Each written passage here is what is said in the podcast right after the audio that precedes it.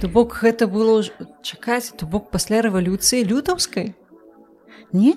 Кастрычна кастрычніцкай? Так. Ого. Ён быў сапраўдным бальшавіком і пры гэтым таксама сапраўдным і праваслаўным. Пайду я лепей на койданаўскую вуліцу валюты таргаваць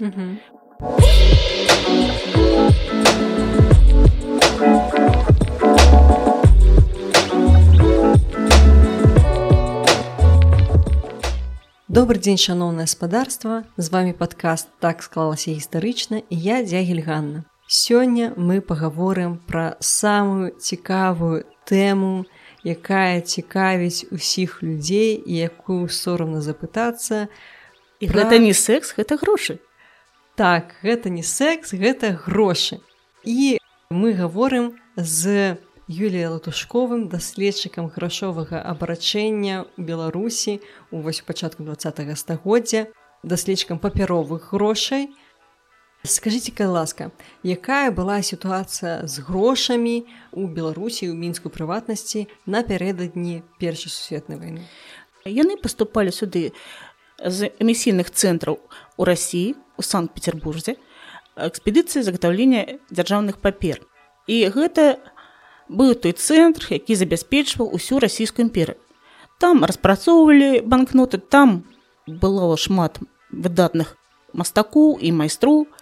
Там былі самыя на той час выдатныя тэхналогіі былі некалькі фабрык дзе рабіліся грошы. Калі на пачатку два стагоддзя весь цывілізаваны мір жыў у золотаманетным стандарты не было выключэннем і Беларусь з мінскім яны былі часткай расійскай імперыі знаходзіліся агульным з ёй фінансавым арганізме і арганізме досыць развітым але Першая сусветная вайна цалкам усё змяніла. Але ўжо ў пачатку яе летам 14 -го года быў спынены вольны размен папяровых грошай на метал на золата. Гэта быў крах золотаманетных стандарт. Да чаго гэта прывяло? Вельмі хуткім часе уже ў 15 годзе забрачэння закон грэшама каперніка вядомы дрэнныя грошы з абароту забегу выцясняюць добры. Такім чынам зразумела, все людзі прыйшлі да лагічнай высновы і забарачэння забегу зніклі спачатку залатыя манеты, потым срэбра і белон, а там дайшла чарга і медзі. І ўжо летам 15 -го года надышоў разменны крызіс.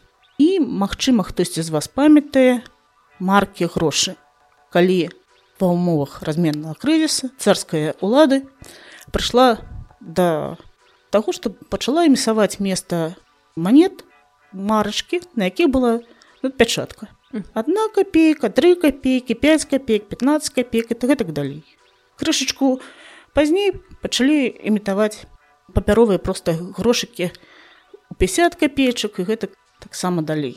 Ну той час быў складаны але не самы складаны. Вайна вельмі і вельмі цяжкі час і вельмі патрабуе вялікіх высілкаў разам з тым з эканомікі. І пачалася волна інфляцыі. Рост дараголі трахавізны і рост кошту грошы пачалі абясцэніцца калі немцы захапілі палову беларусі на той часткі беларусі былі ўведзены акупацыйныя грошы. Думаю хто чытаў пра першую сусветную помніць так званыя осты острублі Магчыма у кагосьці яны ёсць і ў калекцыях.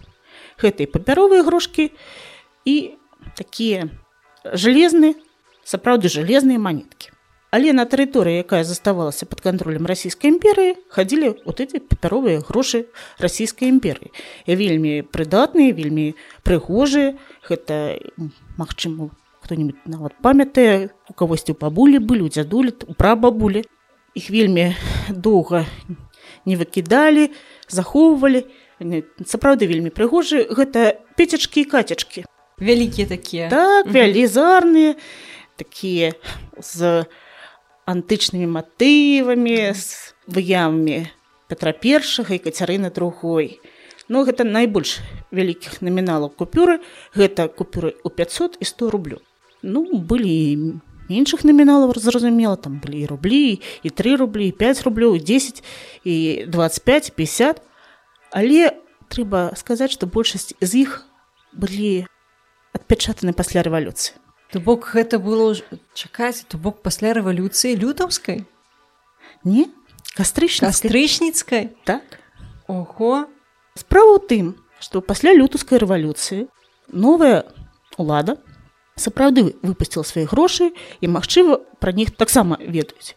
Гэта керанкі так званыя ярлыкі ад квасу па ўзору марак пошты там няма ні нумару нічога нічога наогул вельмі простыя вельмі вельмі простыя грошы не маленечкі а да гэтага былі выпушчаны так званыя думкі. Думскія грошы. Гэта 250 рублёў і тысяч рублёў. Если да іх прыглядзецца то там некалькі вельмі цікавых рэч. Па-першае там ёсць свастыка. На той час гэта было абсалютна такая Нічога салярная сімволіка. І нават ліга нацый потым ее абрала ў якасці свайго сімвала па-другое там быў таврыскі палац дзе і была дума таму яны былі думкамі па-трэцяе это былі наміналы якіх ніколі ў гісторыі папяровых грошай расійскай імперыі не было. Па-чацвёртае самае цікавае там быў дзяржаўны арол але якой арол яго у народзе празвалі голым альбо абшипаным бо ўсе манархічныя рэгаліі адсутнічалі. Пачынаючы ад ланцугу з орденам Андрэя пачазванага і канчаючы каронамі скіпетрам дзяржавай. Гэта быў арол па ўзору білібіна вядомого мастака. Ну свабодная Расія у якой уже не было манарха і патрэбен был нейкі новы сімвал. Вось. Але новая улада часовая ўлада аказалась сапраўды часова там было вельмі шмат зменаў кабінета вельмі шмат расходаў вельмі шмат выдаткаў і патрэбны былі все новыя новыя грошы. Колькасць фабрык экспедыцыі нарыхтоўкі каштоўных папер пашыралася а тут кастрычніцкая рэвалюцыя. Все ведаюць што бальшавікі захапілі банкі рэвізія стальных скрыняў і гэтак далей. Но мало хто ведае што бальшавікі захапілі таксама экспедыцыю нарыхтоўкі каштоўных папер. Усе. Яе станкі папера і ўсё зразумела яны працягвалі друкаваць царскія грошы і нават больш за тое гэтыя грошы карысталіся найбольшым попытам да 19 -го года у бальшавіку не было сваіх уласных выпускаў грошай Мгм. Обалдеть. адрозніць досыць проста па фаміліям па подпісам кіраўнікоў банка шыпаў быў на сваёй пасадзе з 14 -го года і вот все что за подпісам шыпава это пасля 14 А скажите, калі ласка, а як змянілася сітуацыя вось з грашыма, з заробкамі, з узроўнем жыцця падчас э, першай сусветнай вайны? зразумела што кошты выраслі А заробкі таксама доўгі час раслі амаль так як і кошты ёсць такая вельмі вельмі мною любимая спадзяюся до конца года выдаць яе прыходна-даходная кніга Іусіфа Голубя. Гэта вельмі і вельмі цікавы дакумент, это прыватны дакумент, просто вельмі адукаваны ну, Іосиф Голубеў быў кваліфікаваным працоўным чыгуначных майстэрняў. І на момант рэвалюцыі яму было 45 год. Это быў сталы жыхар мінска, у яго было шмат дзяцей, сям'я, і ён быў добры працоўны такой кваліфікаваны. І вось ён з канца 19 стагоддзя вёў гэту прыходную расходную кнігу, дзе пісаў свае выдаткі і свае заробкі. То бок такі элемент фінансавай граматнасці. Так, ён кожны год падводзіў рысу, вылічаў, колькі ён атрымаў, колькі засталося. У него была вельмі і вельмі цікавая цель. Ён жадаў вызначыць, зможа ли сваёй працай працоўны просты чалавек зарабіць сябе на жыццё. Такі быў сацыяльны эксперымент. Так, так, так. І вось ён вельмі вельмі доўгі час амаль до конца жыцця до 50-х гадоў вёў гэту прыходна-расходную кнігу. Это наогул вельмі вельмі цікавы чалавек вельмі цікавая асоба. Яго іменем названа адна з вуліц мінска. Ён адзін з першых герояў працы і гэтак гэтак далей. У яго была мэта зарабіць і набыць сябе зямлю. Куды прывесці усіх сваіх родных блізкіх ідзе распачаць нармалёва жыць ну так як адбылася рэвалюцыя. Тут вельмі складаны момант потому что ён быў казначеем мінскай чыгуначнай ячэйкі бальшавіку. І пры гэтым ён быў сапраўдным бальшавіком і пры гэтым таксама сапраўдным і праваслаўным. І ён лічыў што вельмі падобны абедзве ідэалогіі і вельмі шкадаваў што няма там у бальшавіку такой братэрскай любові праваслаўны бальшавік так так так вельмі цікавая асоба і вось так как бальшавікі скасавалі прыватную ўласнасць на зямлю то і мэта аказалася недасяжная так так так а ў 15 годзе яшчэ пры расійскай імперыі былі ўведзены першыя карткі на харчаванне карткі на харчаванне не азначалі што магчыма набыць гэтае харчаванне менавіта па тых коштах. Яны давалі такую магчымасць але калі чарга падыце калі хлеба там ці крупы хопіць или там мяса то ну набудзеце калі у вас грошы есть а як няма то ідзіце да кірмаша. А на кірмашы там уже зусім іншыя кошты. Так немцы сапраўды працягнулі гэту традыцыю яны увялі жорсткую нарміроўку таксацыю усяго яны давялі гэтую ідэю да абсалюта. На сям'ю пакідалася вельмі нязначная колькасць крупы, мукі, алею. Асноўную частку немцы рэквізавалі. І кожнае кафе ці рэстаран павінны былі пад кантролем нямецкай адміністрацыі гандляваць не больш, чым некалькі гадзін у тыдзень мясам ці выпечкай. А вось калі была абвешчана беларуская народная рэспубліка ці распрацоўваліся нейкія спецыяльныя грошы для бнр? Тут вельмі складанае пытанне. Эскізаў грошай па сей дзень не знойдзена але ёсць маркі бнр. Некаторы час таму я пачала гэтае пытанне вывучаць. І першае з чым я пазнаёмілась гэта былі праекты так званых бон горада мінска і мінскага земства губернска і вось гэта вельмі цікава таму што як высветлілася мінскае земства і город мінск былі вельмі цесна звязаны з выканаўчай раўдай бнр і вельмі вельмі падобна на тое што праект гэтай першапачаткова разлічаны на мінск потым павінен быў распасюджацца на всю беларусь. Але нямецкія ўлады досыць жорстка яго зарэзалі бо першае што было згадана што трэба чтобы гэтыя грошы не былі агульнымі не выглядалі як агульныя дзяржаўныя грошы і каб былі чётка вельмі дакладна распісаныя калі і як іх будуць адзываць з абрачэння А такім чынам вось якія грошы ўвогуле ў гэты перыяд хадзілі ну, на момант нямецкай акупацыі мінска.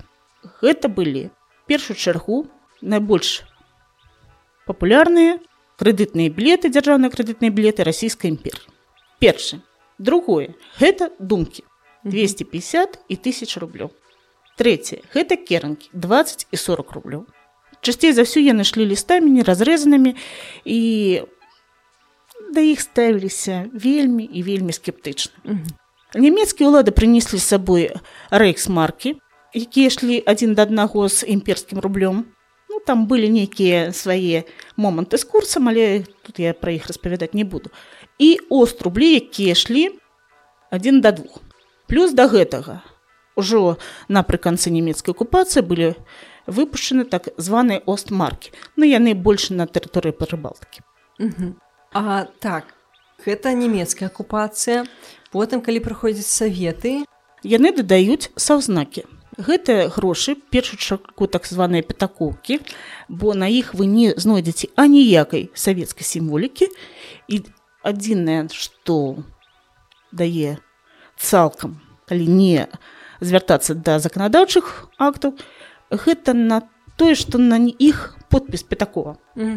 Мы пятакоўкі да пятакоўкі далей было некалькі выпускаў розных савецкіх грошай потым іх будет вельмі вельмі шмат.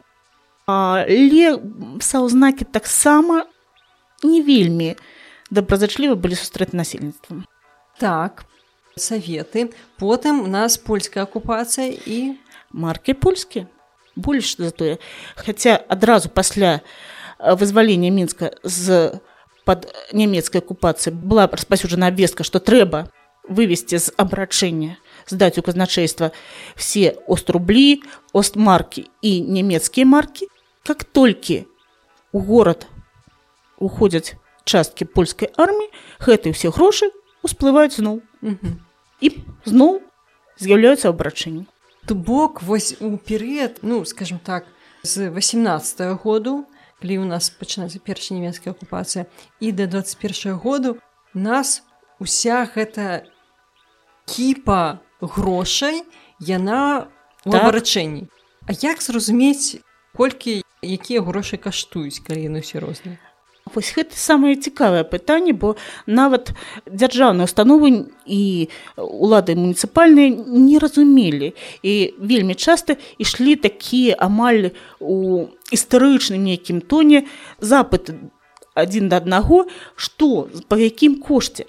Калі вы чыталі тутэйшых, вы, мабыць, памятаеце там мікіта зносак, кажа да ну все нафиг пойду я лепей на койдановскую вуліцу валюты таргаваць mm -hmm. вось гэта значная частка насельніцтва пусцілася у валютнай афёры mm -hmm. і самі улады пісалі что ну і журналісты что гэта немагчыма Таму што мы не можемм бюджэт горада скласці мы не разумеем у якой валюце яго складаць па якім курсе мы не разумеем па кім коштам і калі немцы досыць хутка прывезлі мяняльныя канторы зацвердзілі жорсткі курс як звычайна не все выконвалі і там было шмат парушэння але распрацавалі досыць жорсткае заканадаўства такой ордунг вельмі вельмі жорсткі с итоговым очень красивым таким фінтом калі так магчыма сказаць калі яны все падатковыя касы казначейств скасавалі казначейство стало центральной кассой банка, а все податки повинны были передаваться у, в эту кассу и оттуль у немецкий банк. И яны усе гроши, якія были у казначействе российские, оттуль вытягнули, заставили только на першие патрэбы немецкія грошы. То бок яны імкнуліся ўсе ўсе грошы забраць. Так. Бо яны у той час яшчэ карысталіся попытам і сярод насельніцтва і на біржах мировых так. Сусветных. А, а вось падчас ужо польскай акупацыі то яны таксама усе гэта імкнуліся грошы не. прыбраць? Тут э, досыць значная розніца у адносінах да насельніцтва і да тэрыторыі. Ўсё ж таки палякі разлічвалі на далучэнне ці то федэрацыя ці то аўтаномія ці то яшчэ нейкім чынам але разлік такі быў і быў прыезд пілсудскага да нас і яго вельмі актыўна віталі і там было шмат шмат шмат цікавага але быў адзін такой вельмі горкі для мінчан момант калі польскія ўлады абвясцілі што все кошты якія былі да гэтага у саўзнаках захоўваюцца ну лічыцца уже у у расійскіх рублях. По розніцы курсаў гэта было як бы нам зараз сказалі што ну цэннік мы не перапісваем але вам трэба вот под тым цэннікам нам плаціць у далярах ці ў еўра. Там розніца была вельмі і вельмі значная. Ну так цікава конечно цікавы падыход і да таго ж большая частка гатоўкі якая была на руках у насельніцтва на момант польскай акупацыі гэта якраз былі керанкі і саўзнакі а да іх палякі адносіліся вельмі і вельмі негатыўна. Так А вось якая валюта якія грошы нават не валюта правильно сказать якія грошы яны карысталіся вось найбольшай павагай? І як людзі разумелі якія грошы большую павагу атрымліваць альбо менш найбольшай павагай як гэта не странна карысталіся царскія. Грошы вот ці тыя самыя дзяржаўныя крэдытныя білеты расійскай імперы нават калі ведалі што іх вязуць ўжо з савецкай рассіі нават калі ведалі што іх там друкуюць. Тым не менш яны карысталіся найбольшай павагы ну таксама як і даляры якія суды паступалі таксама як і франкі. Швейцарскі і французскі яны таксама паступалі ну у час польскай акупацыі. То бок тут кожны выпуск мясцовай газеты все мінскія штодзённыя газеты публікавалі курсы валюты. Курсы валют на мінскай афіцыйнай біржы курсы валют на неафіцыйнай біржы курсы валют у варшаве курсы валют у вільні. І гэта был такі вельмі цікавы час калі акрамя грошы былі яшчэ і разлікі натурай у першы чаргу соль і зерні бок кожны мінчанін ён быў крыху валютчыкам так час. так так. І гэта было вельмі дзіўна гэта было цяжка але ж ну час не выбіраюць пэўныя матэматычныя здольнасці пракачваліся вельмі моцна ну то ли яшчэ будзе калі будзе рэформа сакольнікава рэформа залатога чырвонца там будзе яшчэ весялей але да гэтых мы ўжо не дойдзе так так. Такім чынам давайте подвядзем нейкі вынік. Вось на сітуацыю 20-21 году калі больш-менш усе гэтыя палітычныя пертурбацыі войны рэвалюцыя скончыліся і сітуацыя стабілізавалася. Якая сітуацыя была менавіта на э, фінансавым на грашовым рынку? Каласальная маса папяровых нічым не забяспечаных грошай самых розных гатункаў у мінску так не былі выпушчаны мясцовыя грошы але яны былі выпушчаны шмат у якіх гарадах і мястэчках беларусі і былі нават выпадкі калі выпускалі такія грошы як рэшту для кафе рэстарану для нейкіх відаў транспарта і гэтых грошай было настолькі шмат што нават пасля падпісання рыжскага міру пасля пачатку рэформы сакольнікава былі спецыяльныя камісіі якія стваралі бонныя калекцыі. І гэтыя калекцыі былі досыць значным падспор'ем для савецкай улады бо іх прадавалі за валют за мяжу. І калі вы возьмеце первую савецкую энцыклапедыю шмітаўскую там па баністыкі велізарныя велізарны артыкул Такім чынам усе чытайце пра нумізматыку і баністыку гэта вельмі цікавая сфера і навуковых даследаванняў і калекцыянавання таксама. Так так. Дзякуй вялікі Юлія за такую цікавую размову. Мне асабіста было вельмі цікава. Дзякуй. Мне таксама было цікава. Запрашайце. Абавязкова Нагадываю, что у нас есть Инстаграм, что у нас есть YouTube, что у нас есть Facebook, что у нас есть нават укантакце старонка яшчэ цепліцца. Слухайце падкаст на ўсіх магчымых платформах для падкасту, там, дзе вам зручней. Подписывайтесь на сацыяльныя сеткі і калі хочаце падтрымаць праект, калі ласка, вы можете подпісацца на патрыён і капейчынай падтрымаць развіццё падкасту. А я на гэтым развітаюся да пабачэння.